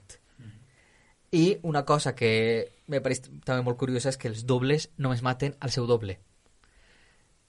Pareix que van a ferir algú, que poden anar per ahí, però no hi ha ningú doble que mate algú que no siga el seu original. I està també el cas de Adelaide, Adelaide. Adelaide. no sé pronunciar, no sé recordar noms. Que ella, mm, per el girito de la pel·lícula, tampoc vol que muiguen els que són els dobles Els de la els lligats de la seva família. Perquè al cap i a la fi ella pertany a, a aquest món. I té això, moments curiosos que me pareix que està molt guai. No, no tinc res més a dir. Em, no volies dir que estàs en contra de la pel·lícula? No, no estic en contra de la pel·lícula. Ah, vale. De fet, és la meva pel·lícula preferida. No, simplement, eh, és una cosa que volia dir en Nope, però ja la deixé caure. Eh, eh, una cosa que no m'agrada de Jordan Peele, o que pot ser la fa fatxa que, que no siga redona, les seues pel·lícules, eh, és que me pareixen molt interessants eh, la primera meitat de la pel·lícula fins a que eh, es resol, diguem, eh, què està passant. No? Passa molt en el cinema de terror, que tenim un monstre, tenim un fantasma, tenim un, un ésser misteriós, I quan te'l veus perd. i que quan comença a, a, a saber-se què és aquest ésser, pues si és un fantasma i ja veus en la seva cara, és un eh, monstre maligne o és el que siga, comença a, a perdre força, intensitat, tensió. A mi me passa amb, amb tot el cinema, però amb Jordan Peele és que crec que és molt evident, eh, i en les tres pel·lícules que té, eh, podem dir-ho. Tant en la primera, quan ja sabem que, eh, a lo que se dediquen els blancs, en esta, quan ja sabem eh, esa, esos, éssers que estan a l'altre costat, que és el que, el que volen, el que, el que estan perseguint, i en la tercera, en Nope, que ara faig un spoiler d'aquesta tercera secció, quan vegem el monstre com a tal, estem veient com una aura, veient un pols, veient, eh, no sabem el que és, quan eh, se resol clarament i, i, i se veu en tota la pantalla que el monstre, els seus tentacles, la seua, el seu tamany i, i, el seu, eh, la seva intenció, eh, se me converteix en una altra pel·lícula. Ja no és una pel·lícula de terror, ja se'm pareix una, una pel·lícula més d'acció o, o alguna així. I a mi me perd interès, perquè m'agrada molt aquesta tensió que se genera sempre al principi i al final me cau un poc. No és, un, no és una, una cosa molt negativa, perquè al final totes les seues pel·lícules m'agraden, però sí que he de dir que aquest recurs eh, de, de descobrir el pastel a meitat eh, me fa que... El gerito de Shyamalan. El girito de pil. Però ja no, ja no torna a haver un altre gir eh, com a tal. És com que se convertís en un altre gènere de, de Sí, pel·lícula. sí. No? no sé si vos passa, però és que a mi me pareix molt, a, molt per mi clar. No es punxa, però sí que he de dir que com a mínim en Get Out el, per, per a mi no té girito. És una pel·li que no té girito, simplement és no saps què passa. No saps què passa, no saps què passa i al final saps què passa. Sí que crec que les altres sí que tenen un girito perquè en tot moment te va dur a que penses algo.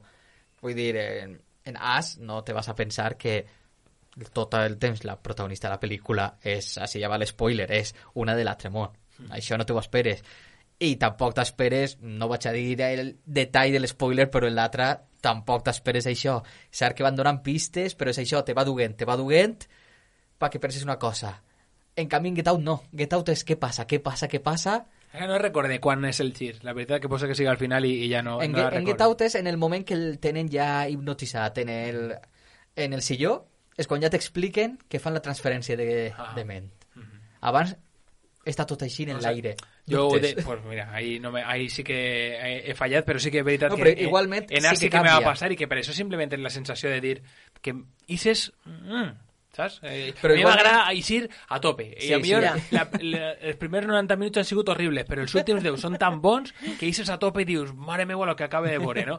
I així, també m'ha m'ha passat que, que eix content, però... Eh, Ja. ai, eh, que... A mi, Se me, podia a mi aquesta me passa, eh? jo no, l'explicació que te donen no la compre, no l'entenc, no la veig real, no m'agrada. Pues a mi m'encanta. mi La també. pel·lícula esta a mi me... Vull dir-te que ha fet aquests passadissos, de, és, quan ells dones trauen, qui, és és que no... no. Me, Eh, me sí que explique- sí que ho Permiso, espera. Sí que ho explica. L'arquitecte. No està ben explicat, perquè estan en una atracció de la platja. És que no Eh, a veure, el per què moltes coses no, però sí que està explicat, per començar, només comença la pel·li està dient que Estats Units està tot ple de túnels construïts. I que no se sap per a què s'utilitzen. Túnels i clavegueres. Clavegueres que no passa aigua. Sí, que és, està... Que això mos recorda a It. No és per res. I t'explica... Eh, Ryder té... Com... Ui, no, si és que no pergues, si és que no. la pel·lícula no ho va aconseguir, no ho vas aconseguir tu.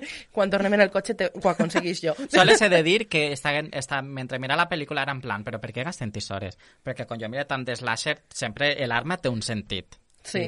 Les tisores se menegen al mateix...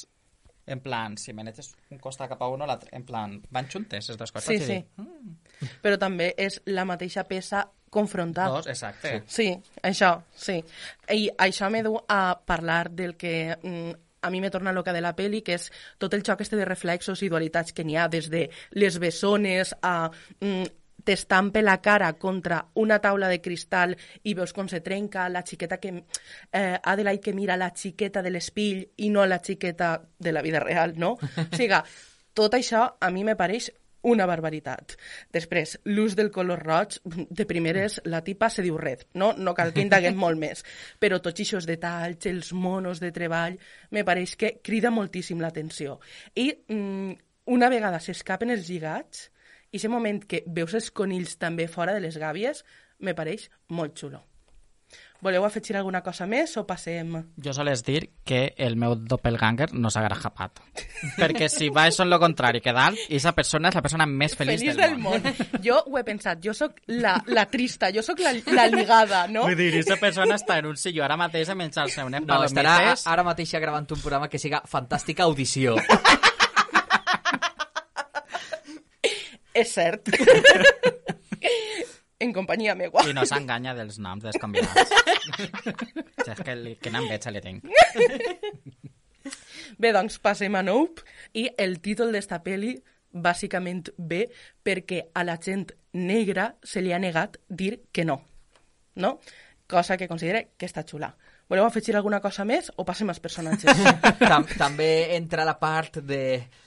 És que a banda es veu en la mateixa pel·lícula de situació xunga... Nope, nope, nope, nope. nope. Sí, Que no sé si... Ahí sí que n'hi ha un xoc, vull dir, no és no, sinó nope, no? Vull dir, Sí, reforça el no, eh? Clar, nope. clar, clar. Però no sé si també n'hi ha al darrere algun eh, passat de que els eh, afroamericans parlen així, si... Jo dir, com estàvem parlant abans Sí, sí, sí. del principi, que pot ser que sí que siga un detallet que utilitzen ells eh, a l'hora de comunicar-se entre ells, no ho sé, no? Però me pareix també que era un, un recurs curiós també de màrqueting, com estava com estic venent. I tot el rato. màrqueting per què ha llevat la E final en castellà? Perquè és nope, o sigui, És que, perquè se llegiria així. claro, que si no diries, has visto nope? I no tenia cap sentit. No sé si heu vist la pel·li de Barbarian. Sí. Encara no. Eh, N'hi ha un Nope en eixa pel·li, no sé si la vas veure en versió original, que jo crec que és un homenatge a Nope, perquè la manera de dir-ho és... mm, Nope. M'imagino que sí. És que no ho sé, era per si sabíeu eh, si era un homenatge, perquè a mi m'ho va aparèixer. El que no sé és si quan començaran a rodar Barbarian Ja, ja havia... per això veure, també- Nope és que està, jo almenys d'internet ho he vist moltíssimes vegades com una forma de d'expressar un no molt rotundo Mhm. I a banda també a vegades com un poquet més còmic el nope No, si jo ho poso en WhatsApp, però no m'imaginava que algú el posaria en el títol de la seva nope pel·lícula. o poses nope? Nope. La E no, la E no, perquè si no l'altre me diu, Bueno. no pe què? passa els personatges Sí. tenim a Otis Haywood interpretat per Kate Davis que és el creador de l'única companyia d'ensinistradors dels cavalls i són afrodescendents i és l'única que, que, és de, que hi ha en Hollywood són molt famosos i tenen, han estat treballant en jocs tan especials com el rei escorpión com te trauen en la sudadera Però al final utilitzaren camells. sí. Tenim a O.J. Haywood, interpretat altra vegada per Daniel Kaluuya, i és el que fa ara de responsable de tot el tinglao, perquè en els primers minuts maten a son pare. I el, te'l veus com prou vergonyós, no li agrada ser centre d'atenció, li costa parlar en públic, i ahí està la seva germana com a contraposició de tot això, Emerald Haywood, interpretada per Keck Palmer, i és la mocatriz. ella aprofita tots els tingles per estar dient que ella és cantant, actriu... bueno, mocatriz. El que sí que té és un don de gentes que no té ell. Així que, per desgràcia, necessitaran treballar junts si volen dur avant l'empresa familiar.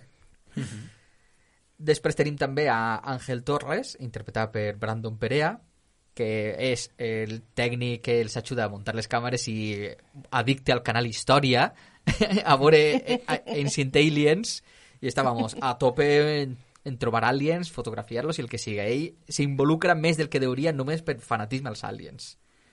I tenim també el que és com el veí d'ells, que té un ranxo allí muntat eh, d'espectacles que va la gent a veure i de més, a Ricky Youp Park, interpretat per Steve Yeun, que va, Glenn de The Walking Dead.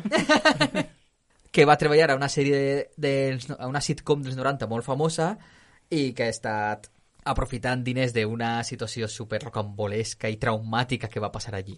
I este és el personatge traumat. mos faltava, mos faltava el trauma. Passem a l'argument?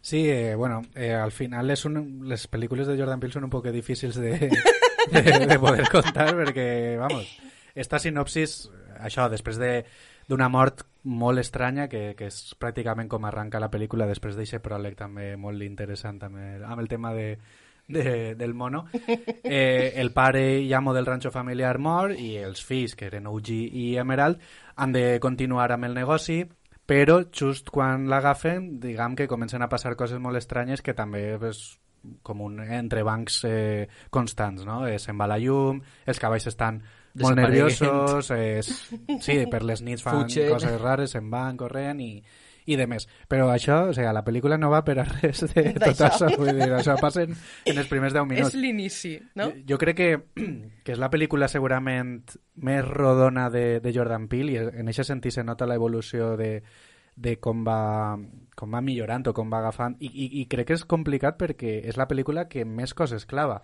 si, no, eh, si As ja és una evolució respecte a, a Get Out que diguem és més senzilla, vull dir te passa tot en una localització, està tot com molt clar, el que hi ha de fantasia està també molt, molt marcat, en As encara evoluciona més i la pel·li se, se desborda, no ho pesa encara més i crec que tot i així és la més rodona, perquè des de l'inici totes les coses que va fetxint crec que, bueno, no són fàcils tampoc de desentranyar, però crec que al final sí que la pel·li li pots treure, li pots treure molt de suc.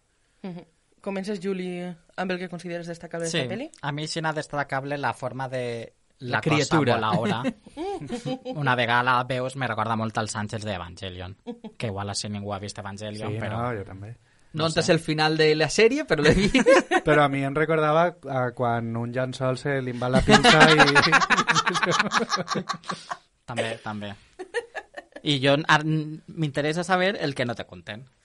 Què és? Sí. N'hi ha més? Sí. ¿A dónde vamos? interesa ¿De dónde saber-ho? venimos? Sí, a mi és el que me mola. a a mi- mi el mono me la suda. Jo vull saber això què és. Si li dono una gelatina la Pues, disfrutaria. eh. Igual que me que el Mayer. No te conté les coses. O sigui, tu aterres a la realitat màxima de les Sí, pel·lícules. eh? Vols Estic- saber... Estic adonant-me de, de que... Jo tinc un problema a les pel·lícules quan no te conten coses. És igual que... Eh, però t'has anat a un gènere horrible per això. Vull dir, ves-te'n al drama És com- familiar de Navidad. o què? La de... Uf, com se diu esta? Tranquila, querida, la que citarà de... Sí, eh, Thank you, que darling, ¿no? No, no te preocupes, que, cariño. Isa, Ah, vale. me necessite una mitja hora des... al final, més de pel·lícula per explicar-me. Me falta una explicació. Crec que és el moment ja que s'ha anomenat el mono, que comença la discussió del mono. Jo considere que està sobrevalorat per part de la majoria de gent que li encanta lo del mono. Avui eixim d'ací, Ah, pegamos. Mira, perquè queda poc. perquè queda poc i... I no vaig a entrar. No, jo crec que, que recordaré tota la meva vida a la pel·lícula per el mono. Vull dir, El primer visionat impacta molt. El segon visionat ja no m'impacta tant. Pues no. te la veges més. A mi és que abans en el cotxe m'heu explicat el perquè del mono i ara ja li veig un sentit. Sí, Quan sí, l'he sí. vist, no. Sí, t'ho he sentit, però, per exemple, eh, ho havia vist apuntat qui estava... Lluís és qui estava molt a favor de lo del mono. és una opinió que llegeixi molt que ah, el que més interessa és el del mono. No, bueno, no és, tampoc és exactament l'interès, sinó el Era que, apo pa- el que aporta el, el afegir o no. Eh, jo crec que la... És Pablo, que la feies gra- deberes. Bueno, no, no passa res. La, la gràcia també de, de Jordan Peele, o el que esperes de, del seu cinema precisament és això, que pegue xirs, que li done voltes a les coses, que te propose coses que no has vist, i jo crec que lo del mono va un poquet en eixa línia, però a banda, si rasques, eh, té ahí diverses capes de, de per què ho fa. Eh, el mono va existir, eh, Sí. de fet va ser un mono molt famós, va desfigurar la cara d'una amiga de l'ensinistradora de la tele, li va trencar els canells i a partir d'ahí ja no se van poder utilitzar més monos en, en programes televisius. Això és algo que a Jordan Peele li va impactar. I després eh, ell va posar en Twitter que havia somiat en, en això i, i anys després ho va utilitzar en, en Nope. I a banda, jo crec que a la pròpia pel·li sí que, sí que li pega molt perquè esta pel·lícula va, entre moltes altres coses, de la domesticació eh, cap als animals, però també de com ho han fet amb els negres durant molt de temps i, i, i parla també de la rebel·lió i de la contestació de, de l'estar domesticat a, a tractar de, de subvertir aquesta situació. Aleshores, jo crec que lo del mono aporta també per a, per a l'arc eh, d'evolució del personatge de, del coreà, de, de Ricky Jup Park, perquè sí. és l'únic que va sobreviure i per com després tracta de domesticar algo que és molt superior i a, i a, a lo que no està preparat. Si, si realment crec que està bé, simplement que he llegit prou voltes per ell com que era la millor part de la pel·lícula i jo no estic d'acord en que siga la millor. Aporta això i aporta la part de fer espectacle per davant de tot. Mm -hmm. Està el director de cine que acaba morint però tindre el pla perfecte. Ja. Mm -hmm. Mm, Eh, que- De fet, eh, perdó, eh, el coreà continua amb aquest fer Sí. espectacle que me pareix una escena brillant eh, quan comença la tormenta i ell està en En tota la decrèpit escenari en què cadascú és més raro que, que l'anterior on veig una referència brutal a la xica que li destrossa la cara Sí. i que me, això me va posar els pèls de, els pèls de punta i que crec que tornem, i perdoneu perquè així vaig a ser Pablo el del màrqueting, però és que de veritat que funciona molt bé, és que funciona molt bé que tu vagis a, a dur-te aquesta pel·lícula a casa, el que parlàvem, el que hem estat parlant durant tot el programa.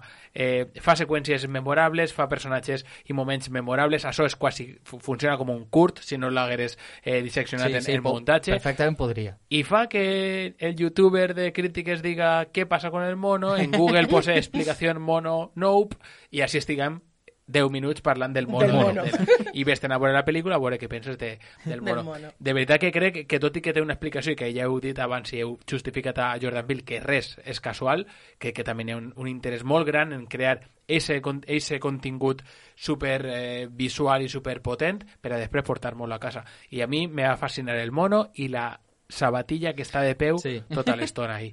Per què està ahí la sabatilla de peu? Quin poder n'hi ha? És casual? Eh, pues és que me dona igual, jo sóc totalment contrari a Judy, totalment. És a dir, jo no vull explicacions, jo vull que en aquest moment a mi se me posen els pèls de punta. I me dona igual si esa sabatilla és perquè va caure allí, si és perquè Dios està presente o que mono, el mono és eh, la reencarnació de, de Satan. Me dona igual. Lo que vull que és que aquest moment me, me aplegue i, i, me, i ho va aconseguir. Aleshores, ja està, ja està pagat.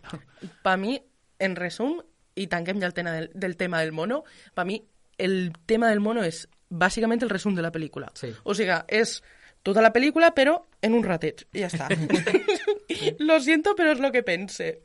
Més enllà del mono, Pablo, vols dir alguna cosa més? No, és que ja ho he comentat en totes eh, les pel·lícules, eh, els trets generals de, de Jordan Peele, que se veuen clarament en esta tercera pel·lícula també, així que seria repetir-se, així que com queda poquet, tireu-li. Vols comentar tu, Neura, alguna Dic cosa? ràpidament, així torna a ficar referències i així aplica a ficar referències a As, que no ho havien comentat, començava la pel·li de As en una cita bíblica. Bueno, estava uno que tenia tatuat Jeremiah 11.11, així... I això era el, el de baix. El de El baix. de dalt d'un cartell que posa Jeremiah 1111. És i de ja veres, està. no ho tenia tatuat. I així apareix una furgoneta que crec que la matrícula fica el número 1111. Sí. que no és casual. Eh, moltes vegades tant Ochota com Em- Emerald van vestits ell de taronja i ella de verd i és per els seus noms. Esmeralda verda, és evident, i Ochota perquè sona orange. Pensava que era per OJ Simpson. I això és altra referència que ho comentava amb, eh, anava a comentar amb el Cox de, de, de veres te diu una Ochota? Um, jo personalment sí que m'agradaria comentar una cosa i faig referència al que ha dit Lluís que comenta que la pel·lícula li pareix molt redona i tot el rotllo. A mi personalment mm, vosaltres sou els experts de cine, però jo parlo de cine, així que... a mi me pareix una pel·lícula molt redona en el sentit de, a mi me dóna la sensació que comença igual que acaba, no? O sigui, primer te conta la història de que al seu avantpassat li llevaren totes les oportunitats, no? Únicament perquè era negre, ja està. I jo entenc que en aquest final, ja sabeu que jo no googleo, així que jo m'invento els finals, m'invento significats. Per mi el que vol dir quan acaba aquesta pel·lícula és que els mitjans de comunicació ja estan allí i tot el que han estat intentant durant tota la pel·lícula desapareix en un instant de nou. Per tant, me dona aquesta sensació de redona, de cíclica, de... No? Eixe moment que està el senyor aquell damunt del cavall galopant, que acaba en OJ damunt del cavall. Això, ja està. Només volia dir això. Crec que vaig llegir a, a Vigalondo quan va eh, donar la seva anàlisi de la pel·lícula deia que també li sobtava molt que en ningú moment ningú personatge li afecta ni li importa que hagi mort molta gent i, i crec que precisament això reforça el tema de que la pel·li va sobre l'espectacle Sí, sí. i que al final tot vaig destinat a fer una foto també és molt anticlimàtic a lo que estàvem acostumats a veure. Lo normal seria intentar matar al monstre d'una manera Sí, no, no, espectacular, ahí no, sé quantos. I així no, foto. tot, té- tot té Sí. a veure amb l'espectacle, inclús aquestes coses que la veritat és que jo no me vaig donar tant de compte, perquè jo crec que quan estàs posat ahí en, En la peli te centres en en la que peli, volen els la protes. vols, igual que els protes, no vols que perguen el temps ahí plorant-li a no, sé qui, no, eh, vale, siguiente. I, I bueno, la veritat és que també és una reflexió per com els morts poden també donar eh, Igual. igual. De fet, la cita ixa que és de Naum 36, Te haré eh, faré no sé què, no sé quantos i faré de tu un espectacle. Sí. No? O sigui, és tot al voltant de l'espectacle. I que Jordan Peele esta pel·li la, la volia fer que fos espectacular a la vista per veure en cines perquè volia que la gent tornara al cine. a la seqüència de, de nit, de, del, del, de la tormenta, ell en la casa, quan se li clava en el cotxe el, el cavall Sí, sí. A mi, a parecer, És que jo estic dir, per favor, que acabi així, perquè vull ganar-me'n de la sala ara mateix a, a, a cridar pels, pels carrers. Per llàstima, no va, no va acabar ahí, i ja és el que he parlat abans, que va caure un poquet, però me pareix... Eh, bé, a mi sí que me pareix fantàstica, esta pel·lícula. Perfecte. Passem ja a la secció final.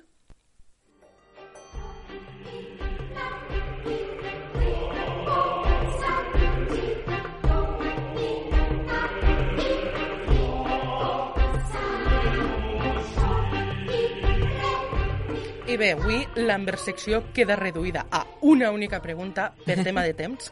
I la pregunta és, me la dona la idea, me la dona este Estiu Lluís, que digui quina és l'ordre de preferència d'estes pel·lícules i per què. Lluís Secció. Pues, Lluís Secció. Comença tu. Començo jo. La veritat és que mm, ho tenia molt claríssim i de fet eh, crec que ho vam parlar per Instagram amb, amb vosaltres. Jo tenia clar que era As, Nope i, i Get Out, però Nope ha anat guanyant puestos perquè és d'estes que això vas rememorant Sí, sí. i va guanyant força sense necessitar de tornar-la a veure. Així que no ho sé, jo la sensació primera d'eixir de sala sí que As és la que més eh, havia gaudit, m'ha pareixet la més divertida. Pablo? Jo posaria a Nope la, la primera, eh, després eh, tinc dubtes perquè crec que afecta molt eh, el que diem de primer visionat, el moment de la emoció de, de, de veure i l'anàlisi que pots fer de, després, però vaig a mantindre'm amb As, eh, Get Out i... Ah, perdó, Nope, Nope. Get Out i As. Jo dic, mos ha enganyat en el guió. Li ha encantat. Juli? Jo, la que menos, o sigui, la que no tornaria, la que no tornaria a veure és As, perquè ja he dit que no la compre, no, no l'he entès i no l'he disfrutat al final. Després al mig m'imagino que Get Out i crec que és la que més m'ha interessat és... No. No, anava, anava a dir de... O sigui, ja Anava a dir Pedro. No me sé ni els noms de les pel·lícules. En el meu cas, la de As, la de que la primera continua encantant-me. Crec que és una pel·lícula que un segon visionat fa que millori encara més algunes de les coses. Després Nope, soc un fan dels aliens i que Jordan Peele m'ha xatut aliens és, sí, gràcies estic fart de veure aliens i ah no, que són humans fi de puta, no facis això Però no se sap si és un alien o no, si és que no ho expliquen. no és un humà, suficient, ja està té forma de monstre, no necessita més És un humà del futur. i la última, Get Out, i no perquè no m'agrada, simplement perquè és Perquè hi ha que posar una. Sí, és que m'encanten les tres. I tu, Amber? Jo, mm, rompo moldes, Euseng no, puc, no puc escollir entre Get Out i Us, bàsicament perquè és que són molt diferents les seues tres pel·lícules sí. i me costa molt escollir. Ja està. Però ixes dos estarien en el top i Nope en el bottom. Ja està. A veure, abans d'acabar, moltíssimes gràcies per vindre, moltíssimes gràcies per ensenyar-nos. O sigui, el programa d'avui ha sido high level, no com de normal. Moltíssimes gràcies a, a vosaltres, és un plaer, ja ho sabeu, i, i tenia moltes ganes de, de vindre a la vostra casa. I l'aprenentatge ja t'he dit jo que ha sigut també cap a l'altra direcció i molt, perquè jo he descobert coses i secrets de pel·lícules que no tenia ni, ni idea, i sí que també moltes gràcies i també enhorabona pel programa. que feu. Ai, moltes gràcies. Bé, doncs, moltes gràcies a Jordi a Radio Godella. Anem a xapar ja la paraeta, que Jordi mos està expulsant. I bé, esperem que vos hagi agradat, si heu arribat fins ací, tot el rotllo. Un besazo, adeu. Adeu. Run, rabbit, run, rabbit, run, run, run. Bang, bang, bang, bang goes the farmer's gun.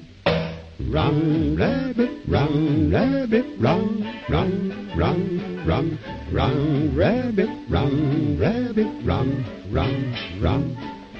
Don't give the farmer his fun, fun, fun. He'll get by without his rabbit pie. So run, rabbit, run, rabbit, run, run.